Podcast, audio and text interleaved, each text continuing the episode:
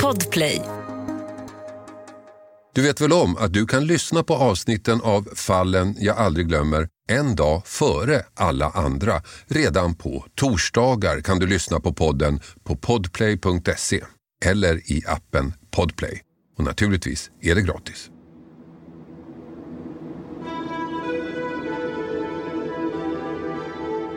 Och det är en sekvens på en kille i ett badrum som ligger liksom i en bedjande position. Med tröjan uppdragen från magen, eh, väldigt mycket tejp runt händer och fötter och en typ röd huva över ansiktet. En ganska förnedrande bild. Helt plötsligt börjar det dyka upp eh, ett användarnamn där som kallas för Käppe3310.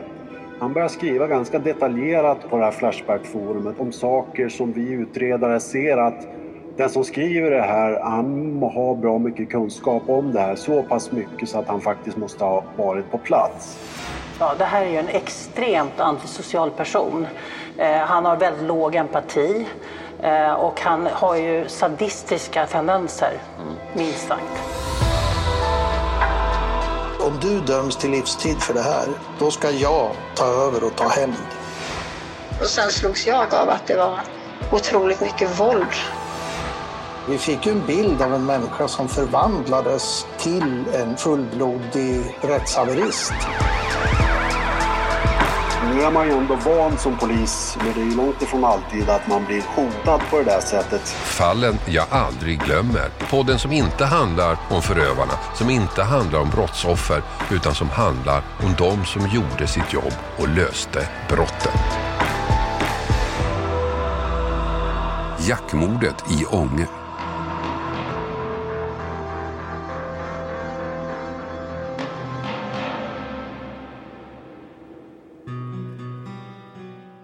Det var en märklig känsla att sitta där i en rättegång.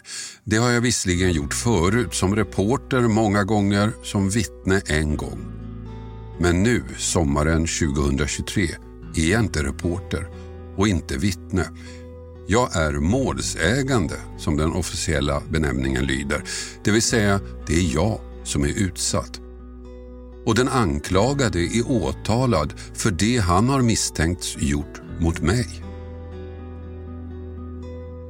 Jag sitter i ett litet rum i Ystads tingsrätt eftersom jag är i Skåne den här sommaren men själva rättegången hålls i Sundsvall. Jag är med på länk. Så jag är ensam och tittar på den man som ska ha uttryckt att han ska döda mig. Som sagt, märklig känsla. Och det är inte bara jag som blivit hotad. Två personer till sitter med i rättegången, också de utsatta för hot. Men de här hoten är egentligen bara en del av en betydligt större rättegång, ett betydligt större brott. Själva huvudanklagelsen mot den åtalade handlar om mord. Ett av de mest bestialiska dåd jag har hört talas om. En ung man mördad under tortyrliknande förhållanden. En ung man som går en fruktansvärd, utdragen och plågsam död till mötes. Ett vidrigt och utdraget förlopp. Allt för en jacka. Hela historien börjar i december 2019. Ett samtal kommer in till larmcentralen i Sundsvall. Det är en ung man som ringer. Han har hittat sin kompis livlös på golvet. Och inte bara det, det är mer. Mycket mer. Brottsoffret är också tejpat, inte bara runt eh, armar och ben, utan det är enormt mycket tejp. Eh, från adamsäpple och upp under näsan. Han blir ju ganska skärrad där, ropar på sin andra kompis eller släpper in honom genom ytterdörren. De ringer 112 där de får instruktioner då av eh, SOS Alarm vad de ska göra. Och de säger att den här tejpen sitter så hårt så att det är nästan svårt att klippa upp den till och med. Och eh, brottsoffret är då alldeles blå i, i ansiktet. Och Eh, de påbörjar HLR, Men ehm, inser väl ganska snart att det, det går inte att rädda livet på honom. Han är, han är redan död. Den vi hör är Mats Jonsson, utredaren av det här fallet men också en av de andra som sen blir hotad. Någonting förskräckligt har alltså hänt i den här lägenheten denna decemberkväll 2019. Och med tanke på att en person ligger livlös på golvet med tejp runt hals och ansikte så förstår larmoperatören att ett brott förmodligen begåtts. Så operatören skickar inte bara en ambulans till platsen utan polisen följer också med. Och i lägenheten händer två saker. Det första är att ambulanspersonalen konstaterar att mannen som ligger tejpad på golvet är död, mördad. Det andra är att polisen tycker att de två unga män som är där, de som larmat om händelsen, beter sig lite skumt. De här två personerna på plats hade man ändå uppfattat som, jag vet inte, en kombination av oberördhet på något sätt som man tyckte var lite märkligt. Så det, det, var omständigheter på plats eh, och bland annat de här killarnas beteende som gjorde att man tyckte att det är någonting som inte stämmer i det här som gör att man vill kolla vidare i det här. Och sen var det ju ganska offensivt arbete av eh, ingripande poliserna där som eh, grep de här personerna som hade ringt in, som hade ringt 112. Och det visade sig ju faktiskt vara ett lyckat drag för det är ju två personer som har varit involverade i den här händelsen. Ja, de två killarna grips direkt på platsen och misstanken är förstås att de har någonting med själva händelsen att göra. Att det till och med kanske är de som mördat offret. Å andra sidan verkar det ju konstigt att först tejpa en person, låta honom dö och sen ringa efter ambulans. Och det skulle visa sig att det var mer komplicerat, mer hänsynslöst, mer tyranniskt än så. Och det är i det här läget som Mats Jonsson kommer in i utredningen. Jag kom in i det här 11 december, det här skedde ju den 10 december. Och det var ju två personer själv som hade varit på plats som hade kontaktat polisen och ringt in. Den som mördas var Alexander, 20 år gammal. Han kände de två som ringt in till larmcentralen och för polisen visade sig vara ett lyckokast att gripa de här två killarna på en gång. Deras mobiltelefoner visade nämligen med all önskvärd tydlighet att de två på något sätt var inblandade. Att de två visste mer än de vill säga. Så fick man då tag i, i telefoner då hos, och framförallt hos en av de här då så fanns det intressanta konversationer och uppgifter i den här telefonen som gav oss anledning att arbeta vidare och även att de här personerna senare skulle vara fortsatt anhållen och häktad. Vad var det då för spår som, och ledtrådar som fanns i telefonerna? Ja, men dels så var det konversationer där man kunde se att det var någonting som hade hänt och eh, bland annat att en kille skulle komma, eller hade kommit till Fränsta, någon som hette Adam.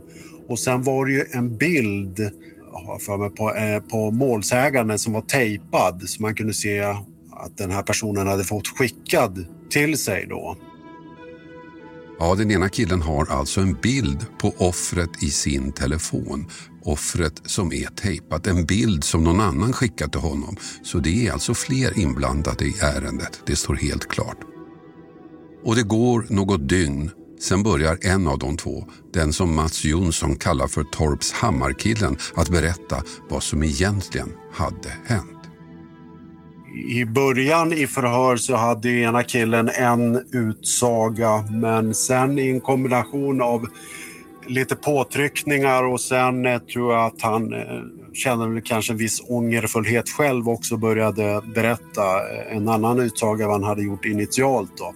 Och då framkom det ju då uppgifter eh, om de här personerna som då skulle ha kommit från Malmö, två stycken, och skulle ha hälsat på den här killen från Torpshammar. Då. Så det var ju så den här utsagan började rullas fram och det fick vi liksom mer kött på benen, lite grann känsla vad det här var för person, vad de gjorde här och lite grann vad som hade hänt. Allting börjar med att en ung man från Malmö som gick under namnet Adam ringer till Torpshammarkillen som han kände. De hade pluggat tillsammans. Adam ville lämna Malmö. Han hade folk efter sig och behövde komma därifrån. Och någon dag efter att han kommit upp till Torpshammar frågar han om hans kompis som heter Issa också kan få komma upp och bo där ett tag. Och då säger den här killen från Torpshammar, ja men absolut, kom hit, han också. Och syftet med att de kom hit, förutom att de skulle ta det lugnt här, det var ju även lite grann att ägna sig åt liksom bedrägerier och eh, stölder. Och även den här killen som eh, de här huserade hos, Torpshammarskillen, var ju lite känd för att ha ägnat sig åt eh, ja, mindre skaliga stölder och, sånt så och även tagit delar som har sålt sen på Blocket och sådär. Så då visste vi att de här personerna hade kommit dit. Det tar inte lång tid, sen blir stämningen dålig. Toppsammarkillen säger att den här konstellationen eller stämningen ändras lite grann när den här killen kommer hit, den andra killen. Så de här killarna börjar prata ihop sig mer och det diskuteras grövre kriminalitet, grövre våldsbrott och de är väldigt intresserade av våld, de här personerna. Och den här Torpshammarkillen börjar tycka att det här känns väldigt obehagligt. Så han vill inte ha kvar de här personerna helt enkelt. Så han börjar fundera hur han kan göra sig av med dem. Torpshammarkillen vill alltså inte ha kvar killarna från Malmö, Adam och Issa hos sig. När så Adam börjar klaga på att han fryser och skulle behöva en jacka får Torpshammarkillen en idé. En idé om hur han skulle kunna bli av med de två. Men också en idé som slutar med att en människa mister sitt liv. Ena killen han har missbedömt klimatet här och tycker att det här var ju mycket kallare här än vad han hade trott så att han vill ju, skulle behöva någon typ av vinterjacka eller någonting. Och då säger den här killen från Torpshammar, ja men du jag, jag, vet en kille som har en del pengar, han är lätt att mjölka på pengar när han är på fyllan. Han har sett att den här killen har någon typ av tillställning ikväll och då säger den här killen från Torpshammar att ah, men jag skulle ju kunna faktiskt köra er dit upp. Jag släpper av er det där utanför hans bostad och så kan ni bara sticka in där snabbt som fasen, ta den här jackan och så ut och så drar ni iväg och så behöver vi inte ja, träffas något mer ungefär.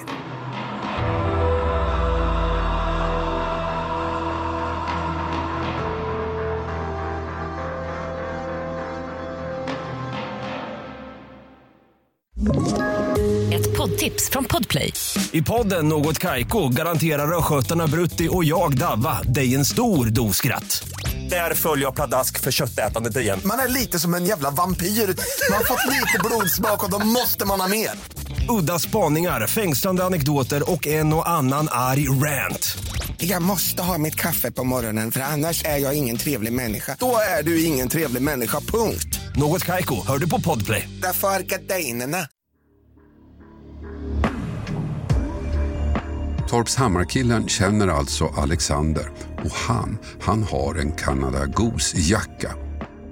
Så planen är att skjutsa Malmökillarna dit så de kan stjäla den och själv ska han åka tillbaka hem. Så slipper han mer kontakt.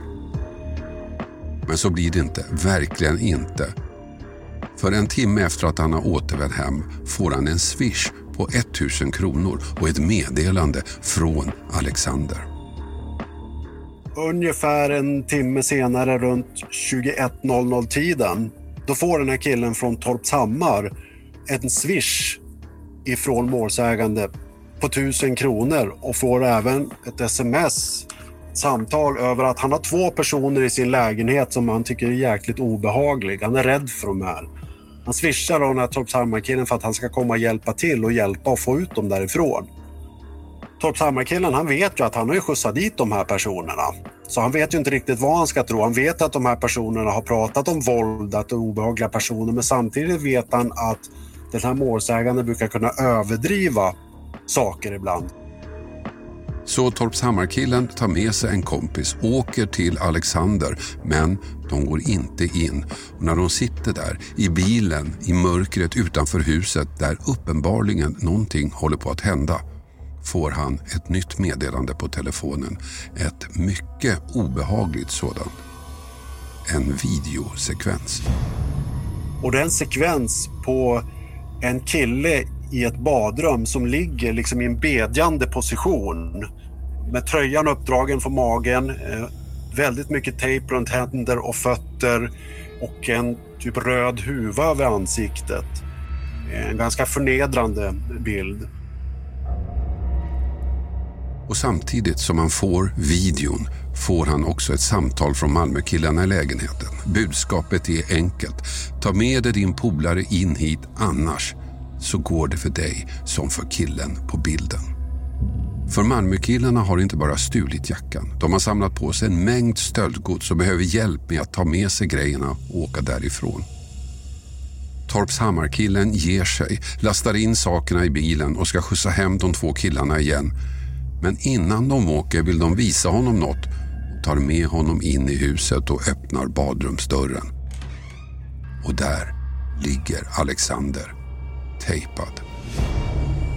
Den här toppsarmarkillen säger att han blir chockad. Han vågar liksom inte säga någonting. Han var ju rädd att den här som ligger där ska känna igen hans röst för de känner ju varandra sedan tidigare. Han vet inte om den här personen, hans kompis då, målsägaren här, lever eller är död. Hemfärden blir besynnerlig. Bakluckan är fylld med stöldgods och i baksätet sitter de två killarna från Malmö.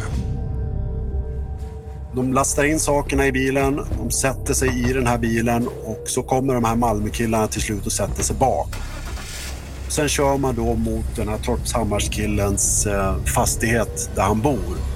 Det de reagerar över, Torpshammarkillen och hans kompis, det är att de här två killarna där bak, de, de skryter över det här brottet, eh, sa att det var busenkelt, det här var ju enklare än ett telefonjobb, säger ena killen. De hånar även eh, den här brottsoffret då, som, eh, som de har tejpat och, och skrattar åt honom. Kolla den där tejpade juden eller något sånt där. När Adam och Issa lämnar bilen bestämmer sig Torpshammarkillen och hans kompis att åka tillbaks till Alexander för att se vad som har hänt. Och väl där ringer de alltså till larmcentralen och utredningen dras igång. Det visar sig vara ett smart drag att gripa Torpshammarkillen och hans kompis direkt. Och nu tycker Mats Jonsson och hans team att de har en ganska klar bild om vad som hänt där inne i huset och har dessutom namnen på de som är huvudmisstänkta. Men det finns ett problem. Det tog något dygn innan bekännelsen kom och det räckte för de två Malmökillarna. Nu finns de inte längre kvar. De har stuckit. För då gör det så här att man eh, i såna här utredningar så, så plöjer man igenom ganska mycket material. Eh, och eh, vi kollar bland annat eh, tågresor, flyg och allt möjligt. Och då kunde man se då att de här personerna hade tagit tåget till Arlanda och där var det flygbiljetter bokad i de här personernas namn till Hurghada i Egypten den 12. Och då beställde vi in film därifrån och då kunde man se hur de här personerna tog selfiesar på sig själva och även bordade planet. Då. Hur tänkte du då? Vad, vad hade du kört då? Det kändes ju lite surt att, att vi var lite sen där. Hade vi fått lite av de här uppgifterna tidigare så hade det kanske kunnat gått fortare det här. Men det är alltid besvärligt när personer tar sig utomlands beroende på vart de hamnar någonstans. Låt oss stanna upp här. Låt oss ett litet ögonblick reflektera över vad som hänt. För historien är minst sagt bizarr. Två killar från Malmö kommer alltså upp till Ånge och bor hos en kompis i Torpshammar. En av Malmökillarna fryser och då föreslår Torpshammarkillen att de ska sno en jacka från en annan kompis till honom.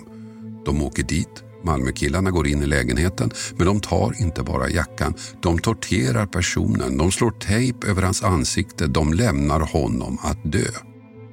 Hans ångest måste ha varit fruktansvärd, en mycket plågsam död. Allt för en jacka. Och sen sätter de sig alltså i bilen och skryter om det de gjort. Det är så tragiskt, men kanske också bland det mest absurda som jag har hört. Tre personer är nu alltså gripna. Torpshammarkillen, hans kompis och så en som agerat chaufför. Men två personer är borta, förmodligen i Egypten. De två som är huvudmisstänkta.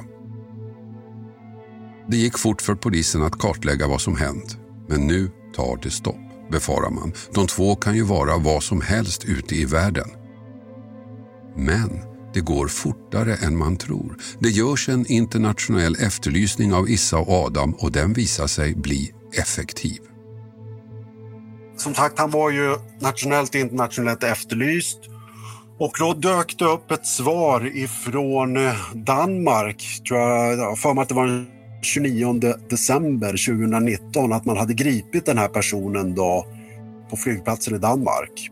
Och då så blev ju han då eh, häktad och um, fördes då sen till um, Saltviksanstalten då i, i Härnösand. Ja, det tog bara ett par veckor så var en av de två internationellt efterlysta, Adam, fast. Men den andra, Issa, han var fortfarande borta. Ja, den andra killen vet vi ju då att han eh, tog sig sen till Libanon och vi vet att han hade släktingar där nere. Så vi visste att han var där i Libanon någonstans. Vi hade ju sett att han hade positionerats där bland annat. Eh, sen har ju inte Libanon något utlämningsavtal med Sverige så att det kändes ju ganska problematiskt att lokalisera och försöka få fast honom. Så den här eh, efterlysningen den, den var ju kvar så att säga. Och där blir han kvar medan processen fortsätter i Sverige. Det blir rättegång och domstolen är enig. Den som mördat Alexander var Adam och Issa, men han var ju inte där på rättegången. Så Adam får nio års fängelse. Torpshammarkillen och de andra två döms för grovt rån och medhjälp till grovt rån. Och där någonstans kallnar utredningen. Och sen blir det ju så som mycket annat polisiärt arbete. Det kommer andra våldsbrott, det kommer andra ärenden. Det kanske inte arbetas så mycket med det. Man, man bevakar det så att säga. Se om det kommer tips. Nej, ingen direkt aktiv utredning, men tips kommer det. Tips om någon som på nätet beter sig märkligt. Någon som uppenbarligen vet en hel del om vad som hände den där natten i Ånge. Helt plötsligt börjar det dyka upp eh, ett användarnamn där som kallas för Käppe3310. Eh, och den här Käppe3310 börjar med att det är nästan man får uppfattningen att han blir kränkt över att andra personer har skrivit om det här som säger sig skriva om saker som de inte vet om. Så den här Käppe 3310, han börjar skriva ganska detaljerat om saker som vi utredare ser att den som skriver det här, han har bra mycket kunskap om det här. Så pass mycket så att han faktiskt måste ha varit på plats. Så vår känsla är ju då att den som skriver, det är ju den person som har flytt ner till Libanon.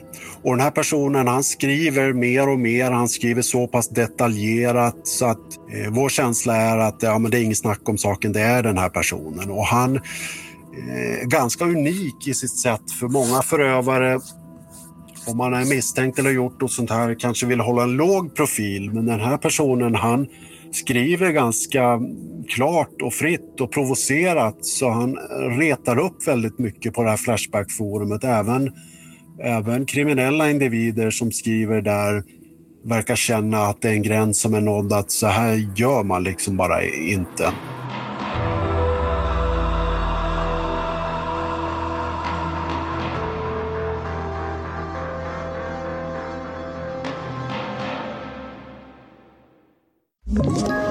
Ett poddtips från Podplay.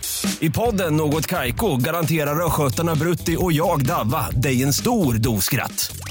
Där följer jag pladask för köttätandet igen. Man är lite som en jävla vampyr. Man har fått lite blodsmak och då måste man ha mer. Udda spaningar, fängslande anekdoter och en och annan arg rant. Jag måste ha mitt kaffe på morgonen för annars är jag ingen trevlig människa. Då är du ingen trevlig människa, punkt. Något Kaiko, hör du på Podplay. Därför arkadeinerna. Cheppe, Eh, 3310, verkar alltså veta vad som hänt och han lämnar sådana detaljer att polisen tror sig förstå vem det är.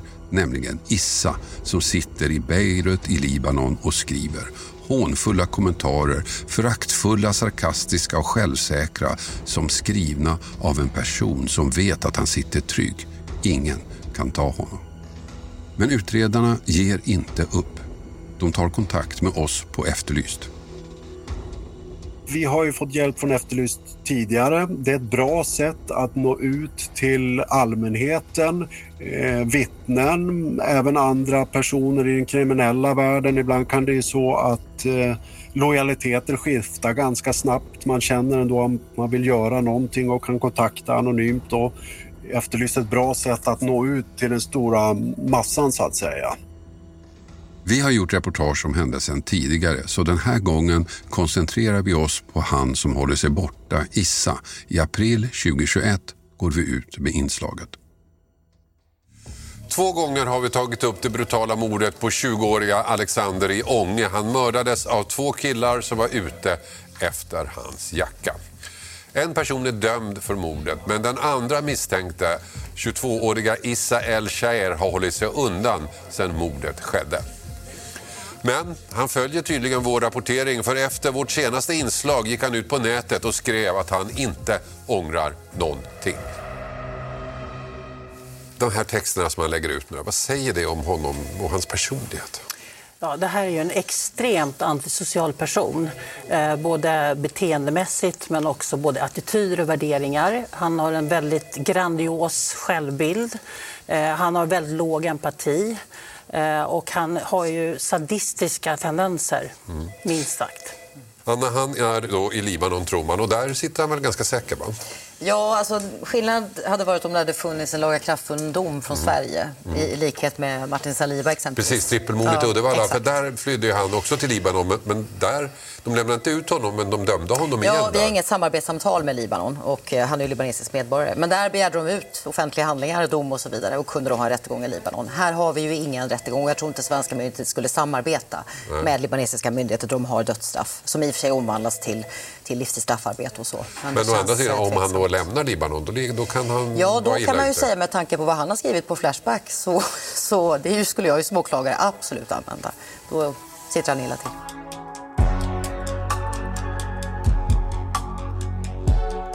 Och inslaget ger resultat, men inte riktigt det som utredarna hoppas på.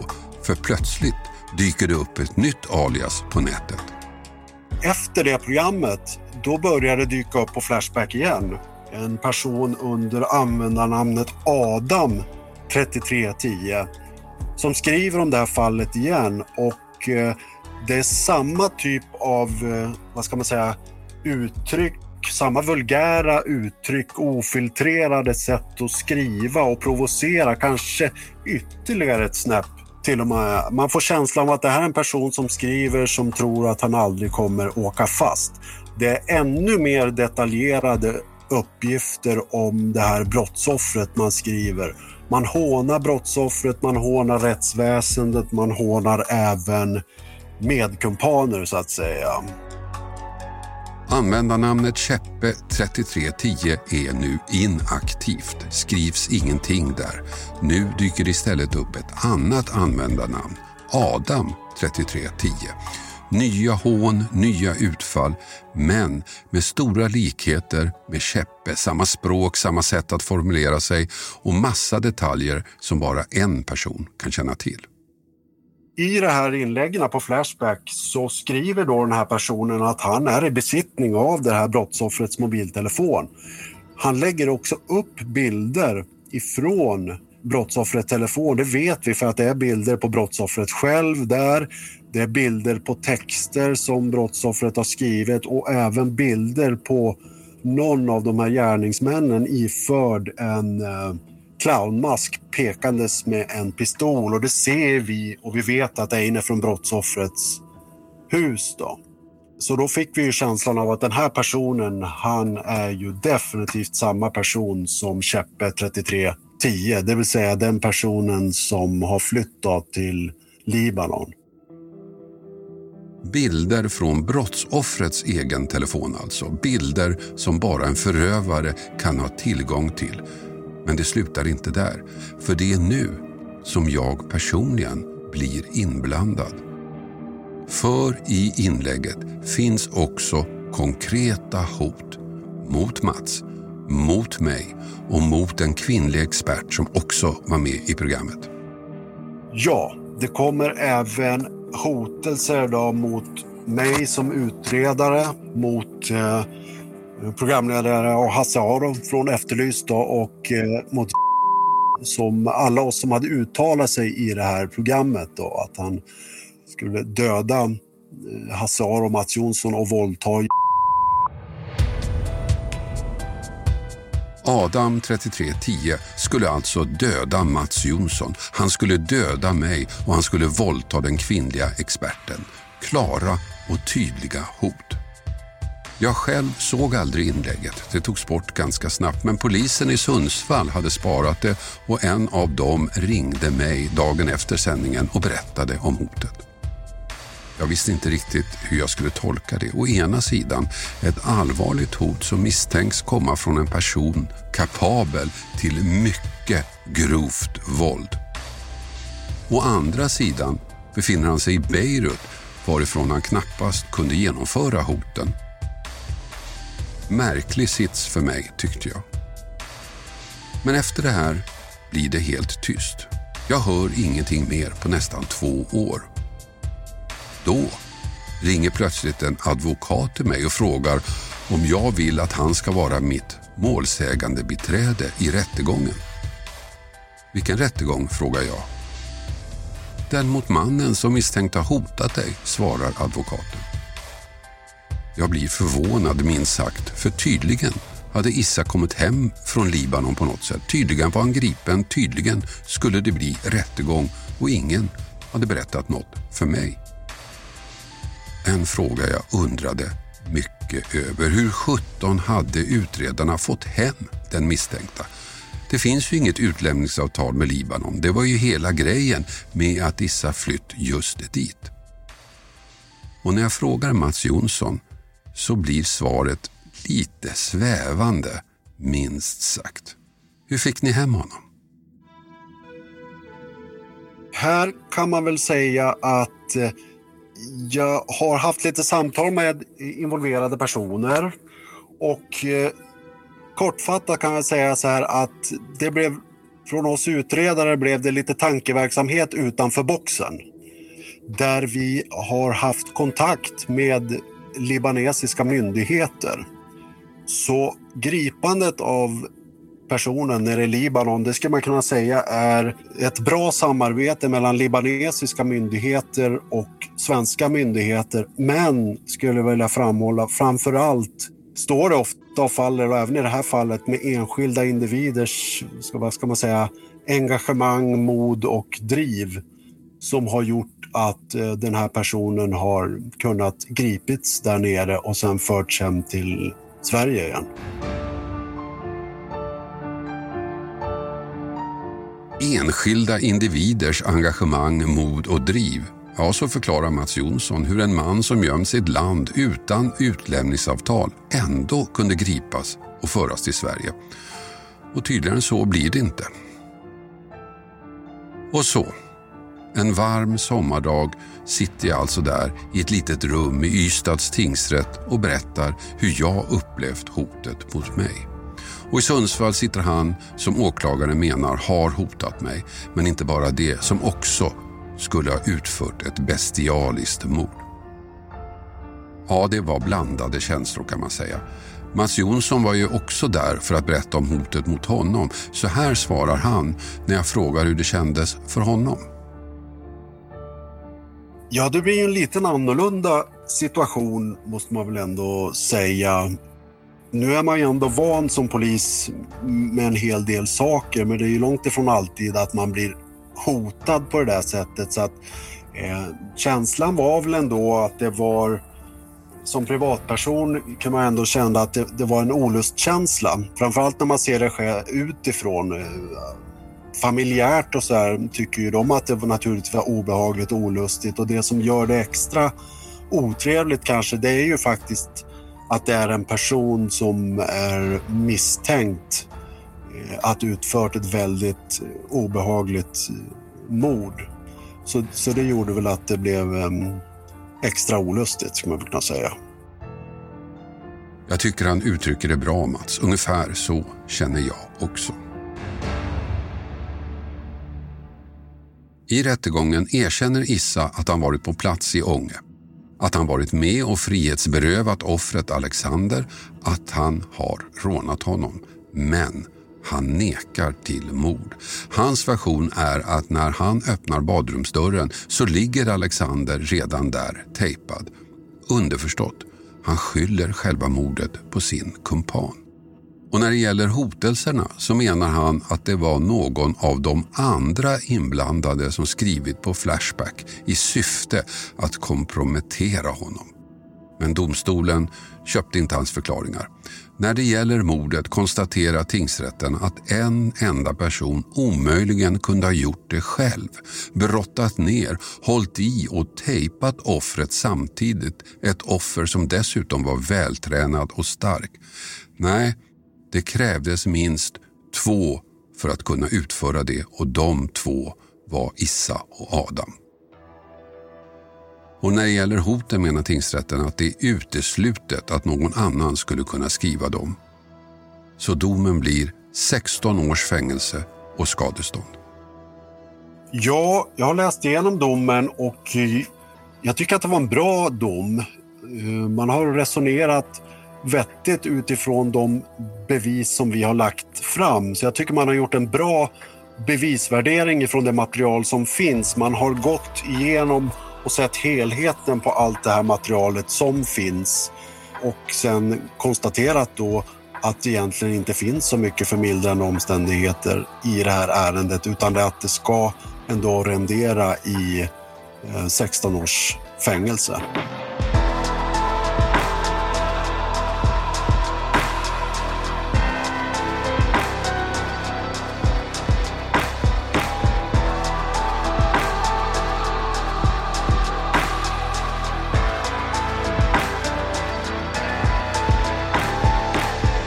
Du har hört podden Fallen jag aldrig glömmer.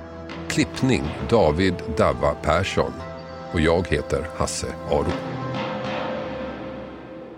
Du vet väl om att du kan lyssna på avsnitten av Fallen jag aldrig glömmer en dag före alla andra. Redan på torsdagar kan du lyssna på podden på podplay.se eller i appen Podplay. Och naturligtvis är det gratis. Podplay, en del av ett poddtips från Podplay. I podden Något Kaiko garanterar östgötarna Brutti och jag, Davva, dig en stor dos skratt. Där följer jag pladask för köttätandet igen. Man är lite som en jävla vampyr. Man har fått lite blodsmak och då måste man ha mer.